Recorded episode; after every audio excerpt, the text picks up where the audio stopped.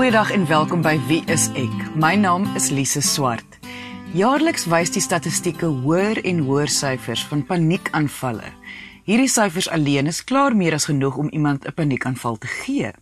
Alhoewel die meeste van ons 'n idee het wat 'n paniekaanval is en wat 'n persoon ervaar wat so 'n aanval kry, verstaan mense nog nie heeltemal hoe om sulke aanvalle te voorkom of behandel nie. So ek het vandag met kliniese sielkundige Louis Averbag gesels oor paniekaanvalle en wanneer iemand moet gaan vir hulp. Louis, verstaan ek reg dat daar paniekaanvalle is, maar dit kan ook 'n verstoring wees. So hoe verskil die twee dan van mekaar? Ja, jy is heeltemal reg. Mens kan absoluut niks mekeer nie, sogenaamd, en dan net skielik paniekaanvalle kry. En mense met wie dit gebeur, beland gewoonlik in die hospitaal want hulle dink hulle kry hartaanvalle en gaan dan na 'n noodeenheid toe. Hmm. Maar paniekaanvalle kan ook deel wees van 'n ander toestand soos posttraumatiese stres, algemene angs, eh, 'n fobie byvoorbeeld of depressie.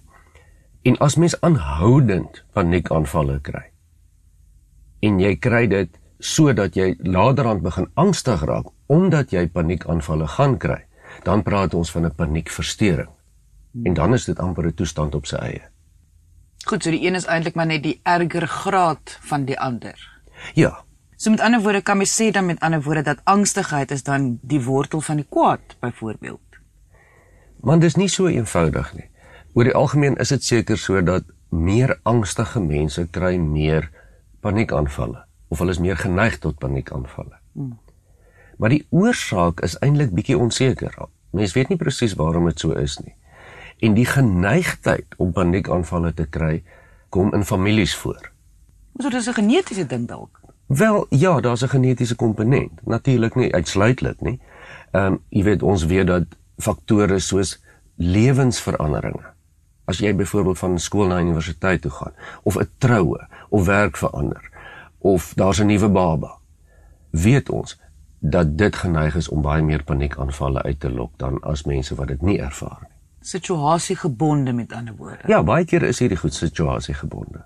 Beteken dit dat mense wat gediagnoseer is met 'n angsversteuring gaan paniekaanvalle kry?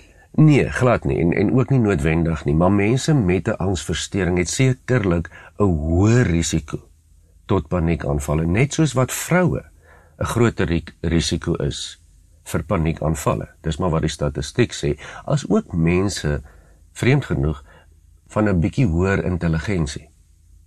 Is meer geneig tot paniekaanvalle. Is meer geneig tot paniekaanvalle. Snaaks genoeg. Wanneer kry iemand dan 'n paniekaanval? Ek bedoel, moet daar spesifiek iets gebeur of vang dit 'n mens onverwags? Want jy het nou eintlik nou albei na verwys. Ja, en dit kom ook by albei voor. Jy weet, 'n paniekaanval kan voorkom as gevolg van iets spesifieks. As jy 'n fobie het vir hoogtes en jy beland skielik op 'n hoogte, dan kry jy 'n paniekaanval. Hmm. Uh, en dan is dit direk te wyte aan jou fobie of posttraumatiese stres is sneller wat afgaan en jou herinner aan iets van die verlede en jy kan 'n paniekaanval kry. Dan kan ons 'n direkte lyn tussen die twee trek. Maar Ek wil amper sê meestal gebeur paniekaanvalle heeltemal onverwags uit die bloute uit en is daar geen direkte oorsaak daarvoor op die oomblik nie. En dis natuurlik hoekom dit vir baie mense so 'n groot probleem is, omdat dit so uit die lug uit net kan gebeur op 'n tyd wat jy dit glad nie verwag nie. Natuurlik. En jy kan mos nou vir jouself dink as so iets met jou gebeur en 'n paniekaanval is 'n baie intense ervaring. Jy skrik jou dood. Wanneer 'n persoon 'n paniekaanval kry, maar weke of kom sê selfs maande gaan verby en dit gebeur nie weer nie. Sou jy sê hulle moet nog steeds hulp kry vir paniekaanvalle of dit dalk al klaar 'n teken dat iets is dalk verkeerd? Jy sien nie noodwendig nie. Dit is sodat party mense kry paniekaanvalle en dan gaan daar sommer 6 maande verby en dan weer eenetjie en nog 6 maande en dit is regtig dan nie so erg nie. Uh mense herstel baie gou van 'n fisiese paniekaanval. Die probleem is dat dit sielkundig 'n letsel laat. Mm. Jy weet as jy nou weer paniekaanval kry oor 6 maande, dan kan dit wees dat jy dit erger ervaar as gevolg van die een wat jy laas ervaar en nou begin jy sommer bekommer oor dit wat jy weer ervaar. En sodra jy jou bekommernis begin ontdek en sodra jy daai antisipasie begin voel van wanneer gaan ek nou weer eene kry, dan veroorsaak jou eie paniek amper paniek as mens dit so kan stel.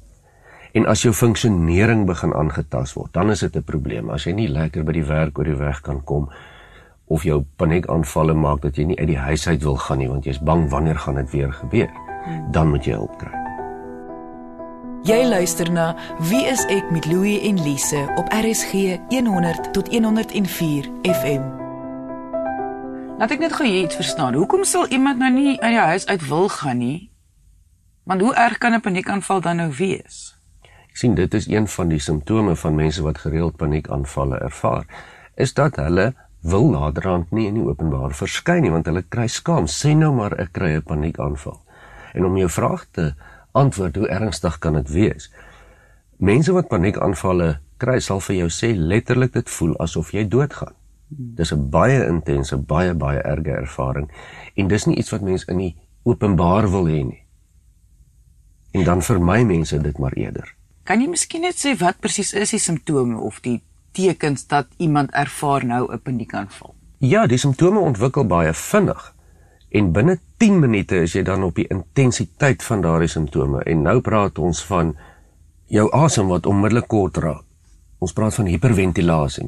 Mense begin hiperventileer. Jou hart klop geweldig baie vinniger. So dit voel soos 'n hartaanval veral omdat daarmee saam hierdie drukking op die bors gevoel kom. Mense begin bewe, jy voel of jy nie kan asem kry nie, jy begin sweet, jy word naar, lighooftig en baie mense rapporteer dat hulle warm en koue skommelinge ervaar op hulle lywe. En daarmee saam is hierdie gevoel van my magtig, wat gebeur hier met my lyf? Ek is besig om 'n hartaanval te kry of ek is besig om dood te gaan hier. Wat is aan die gang? Soos 'n 'n baie intense fisiese ervaring. Dit hou gewoonlik so 20 tot 25 minute, kan tot 'n uur duur. En ironies genoeg, so so erg as wat dit voel, is dit blykbaar nie lewensgevaarlik nie. Nee, dit is nie lewensgevaarlik nie, maar dit voel so. Ek weet nie of hierdie dalk nou 'n belaglike vraag is nie, maar wanneer 'n persoon paniekaanvalle kry, probeer hul lyf nie desperaat om een of ander boodskap aan hulle oor te dra nie. Mens kan definitief so daarna kyk. Kyk, as jy 'n paniekaanval kry, dan op daardie oomblik neem jou lyf jou oor. En hoe jou lyf jou oorneem is deur in 'n intense veg of vlug reaksie te gaan sonder dat daar noodwendig 'n rede is. So jou outomatiese senuweestelsel neem oor, jou hart klop vinniger. Uh jy het baie meer suurstof nodig. En dis hoekom jy so vinnig begin asemhaal. Jy weet of daar regte gevaar is en of jou lyf dink daar is gevaar, die boodskap van jou lyf is aan jou, jy mag nie ontspan nie. Jy moet gereed wees. En derhalwe sit jy dan met hierdie oorname van jou lyf wat jy niks aan kan doen nie. Mense dink baie keer hulle is simpel as hulle paniekaanvalle kry, man, hulle is sommer swak of of dom want daar is mos nou niks fout nie. Hoekom kan hulle dit toelaat? Wat mense nie besef nie is dat hulle liggame baie intens oorneem en jy kan niks daaraan doen nie. Maar hier's wat ek nou dink. Hier lê jy nou veilig in jou bed in die aand. En jy kry 'n paniekaanval. Nou daar's nie gevaar nie, soos jy sê, dit kom val uit die lug uit. Maar dan beteken mos daar's iets verkeerd met jou lyf dat hy dink daar is gevaar, dat hy in gereedheid is om te veg of te vlug of te vries. Wel ja, maar die term fout mee is nou wat mens mee sukkel hierso. 'n Veg of vlug re reaksie is daar niks meer fout mee nie. Um 'n veg of vlug reaksie as daar nie werklike gevaar is nie, is ook nie so onalgemeen nie want ons lewe in 'n baie stresvolle samelewing. Maar herhaalde paniekaanvalle tap jou liggaam af, dit takel jou liggaam letterlik af. Hmm. En dis waar die probleme inkom. Louis, kom ons beweeg aan. Behandeling. Watter stappe kan 'n persoon wat paniekaanvalle gereeld ervaar of selfs net een keer ervaar het, watter stappe kan so 'n persoon neem om hulp te kry? Die heel eerste stap volgens my sal wees om medikasie te kry. Omdat 'n paniekaanval 'n absolute fisiologiese proses is en dit kan regtig baie goed aangespreek word met medikasie. As jy sê fisiologiese proses, wat presies beteken dit? Dis jou lyf wat dit aan jou doen. Is jou lyf wat in 'n veg of vlug ingaan. Dit is nie 'n geestelike ding nie. Soos nie in jou kop nie. Dis nie in jou kop nie. Hmm. En omdat die meeste mense regtig nie tyd het en veral energie het om proaktiewe stappe te neem, baie ontspanning te doen, baie rustige lewenstyl te hê nie. Omdat dit vir die meeste mense nie regtig beskore is nie, gaan ons dan die tweede beste alternatief om mee te begin. En ons vra gewoonlik vir 'n psigiater om baie mooi hierna te kyk en mens kan dit onder kontrole bring of ten minste dan beter beheer met medikasie. Maar is medikasie die enigste stap om te neem? Nee, verseker nie. Verseker nie. Die heel belangrikste stap om te neem, myns insies, is om inligting en kennis op te doen oor angs en paniekaanvalle. Jy moet die ding verstaan.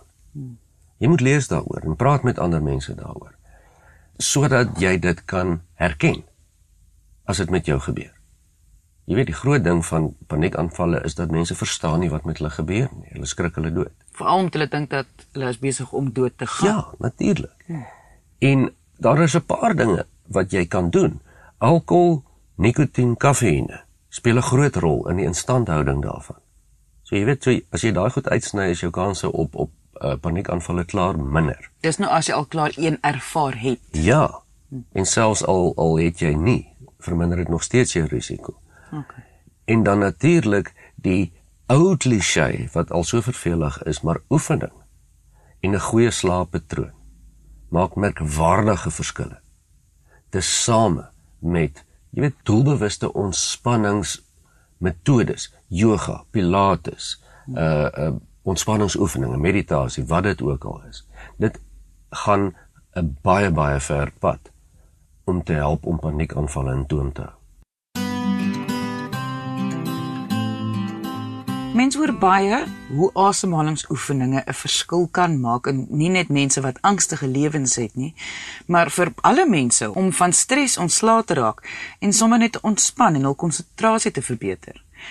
Maar kan asemhaling regtig so 'n groot verskil maak aan 'n mens? Want dit voel vir my ons haal dan maar in elk geval almal asem, so wat dan nou hoe? Kyk, dit maak 'n geweldige groot verskil. En dit is een van die aspekte wat jy self kan aanleer om paniekaanvalle teen te werk. Mense wat angstig is, sal vir jou sê, hulle voel of hulle bo in hulle bors asemhaal. Die asem kom nie uit jou maag uit nie. Met ander woorde, dis 'n vlak oppervlakkige asemhaal wat eintlik hiperventilasie aanhelp. Hiperventilasie met ander woorde as jy te vinnig moet asemhaal om suurstof te kry, veral as jy dit so hortend doen. Mm. Dit bring baie keer die simptome van angsaanvalle aan. Lighooftigheid byvoorbeeld, daai drukgevoel op die bors en baie te doen met die vlak asemhaal. Diep asemhaling werk die simptome teen. En as jy jou asemhaling beter kan beheer, is jy ook minder angstig oor wat gaan gebeur as jy 'n paniekaanval kry want jy weet jy sal ten minste jou asemhaling op 'n manier kan reguleer. Alhoewel alles baie sin maak wat jy sê, kan jy dalk net 'n voorbeeld gee van 'n asemhalingsoefening wat werk? Ja, die hele kern van om diep asem te haal. Gaan daaroor dat jy van jou buik uit jou maag uit moet asemhaal om soveel as moontlik suurstof in jou longe te kry. En die manier om dit te doen is jy weet gesit net gemaklik erns met jou reguit rug, sit op 'n stoel, gemaklik. En dan sit jy een hand op jou bors en die ander hand op jou maag. En haal begin dan deur jou neus asem te haal. Nou moet jy mooi konsentreer want die hand op jou maag moet reis elke keer as jy inhaal. Dis nie jou bors wat moet indruk, jou maag moet uitdruk. En dan jou hand wat op jou bors is, moet baie min beweeg. So jy dwing jouself om met jou maag asem te haal. So jy trek in deur jou neus, blaas deur jou mond uit en as jy uitblaas, blaas jy soveel as moontlik lug uit terwyl jy jou maagspiere saamtrek. Jou hand op jou maag moet jy nou dop hou want dis die een wat moet inbeweeg en uitbeweeg. Maar jou, jou ander hand op jou bors moet maar min beweeg. En so oefen jy dit. In deur jou neus, uit deur jou mond en oefen maag wat op en af. Dat jou beweeg. maag op en af beweeg en nie jou bors nie. En as jy sukkel daarmee dan lê lê dan plat, sit 'n klein boek op jou maag en probeer dan so asemhaal dat die dat jy die boek kan sien beweeg. Hmm. Tot jy dit reg kry. En dit sal jou laat ontspan. Ja, jy dit dwing jou om diep diep asem te haal en nie uit jou bors uit nie. Met ander woorde daai daai ekstra suurstof is die ding wat jou lyf laat ontspan. Ja, die gebrek aan aan suurstof is waar die lighooftigheid en die hart wat al hoe vinniger klop om suurstof by jou uit te kry. Dit is waar dit vandaan kom. Volgens die mediese wêreld is paniekaanvalle nie lewensgevaarlik nie, soos al gesê het. Selfs al voel dit nie so nie, maar tog voel ek dit is gevaarlik, want dit kan tog jou lewenskwaliteit affekteer en sodoende op 'n kom ons noem dit dan nou maar 'n indirekte manier jou gesondheid affekteer. Nee, jy is heeltemal reg. Dit is 'n hoogs intense ervaring, 'n paniekaanval.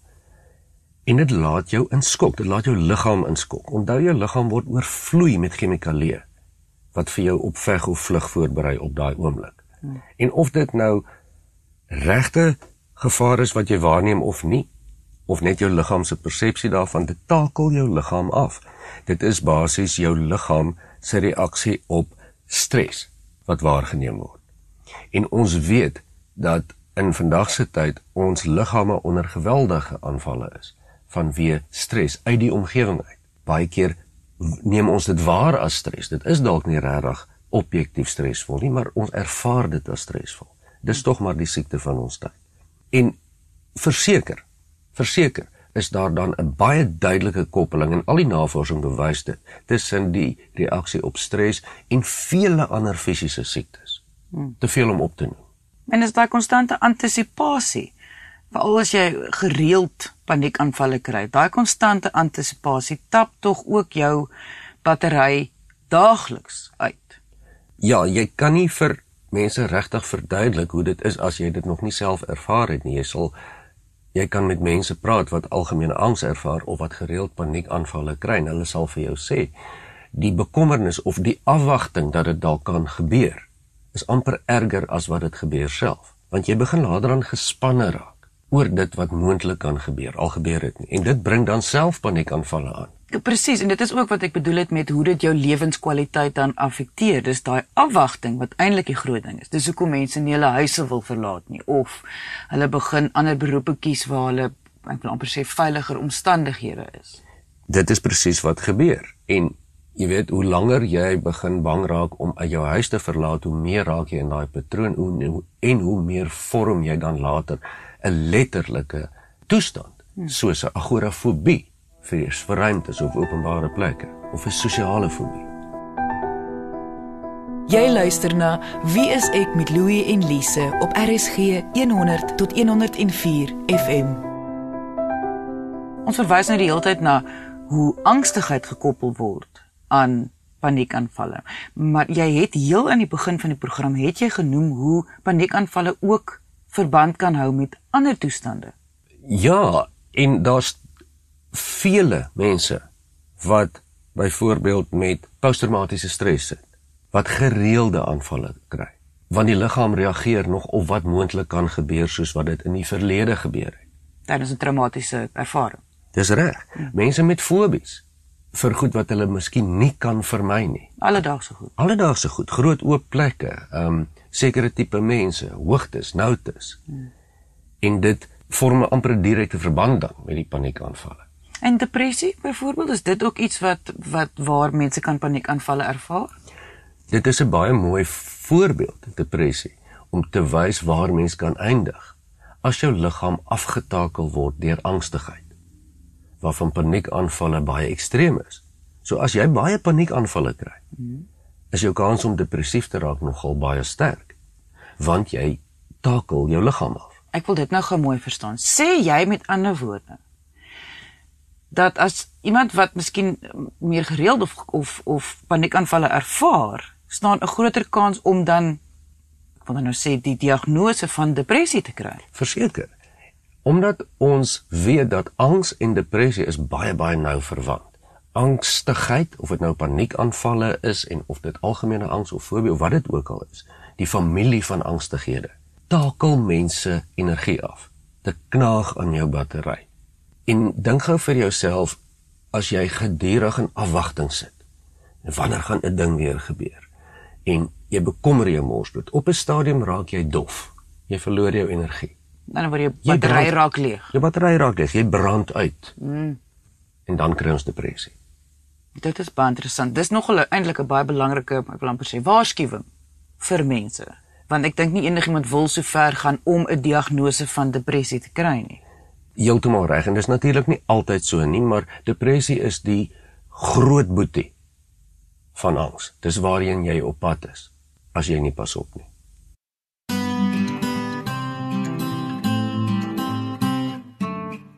Louis, wat is die boodskap aangaande paniek of angsaanvalle waarmee jy wil hê die luisteraars vandag moet wegstap?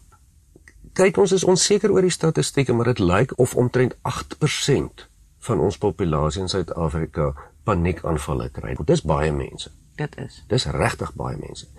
En dit tref almal in alle lae van die bevolking. En meestal hier is die punt tref dit hulle onverwags. So die belangrikste boodskap dink ek wat vir my moet uitkom hier is inligting. Maak seker dat jy inligting en, en dat jy verstaan wat paniekaanvalle en wat paniek is. Baie mense leef in spanning en hulle leef onnodig in spanning omdat hulle dink hulle gaan 'n hartaanval kry of daar's fout met hulle harte of daar's fout met hulle of daar's fout met hulle. Ja. So as jy onseker is, maak seker. Gaan na jou GP toe as jy dink dis 'n hartaanval en laat hy of sy vir jou uitkyk, maar maak seker dat jy weet as jy paniekaanvalle kry, wat is dit? Hoe werk dit? En hoe kan jy dit vir die mense om jou oordra dat hulle dit ook verstaan? Indien enige persoon wat nou luister enige vrae het oor paniekaanvalle of jou eie storie met ons wil deel uh, of selfs meer wil lees oor paniekaanvalle want daar is inligting op ons webwerf by wieisek.co.za kan jy gerus soontoe gaan of jy kan ons ook kontak deur ons Facebookblad onder wieiseksa Baie dankie dat jy vandag ingeskakel het. Ons maak weer so volgende Vrydag 12:30 net hier op RSG. Jy moet 'n heerlike naweek hê en onthou, kyk mooi na jouself.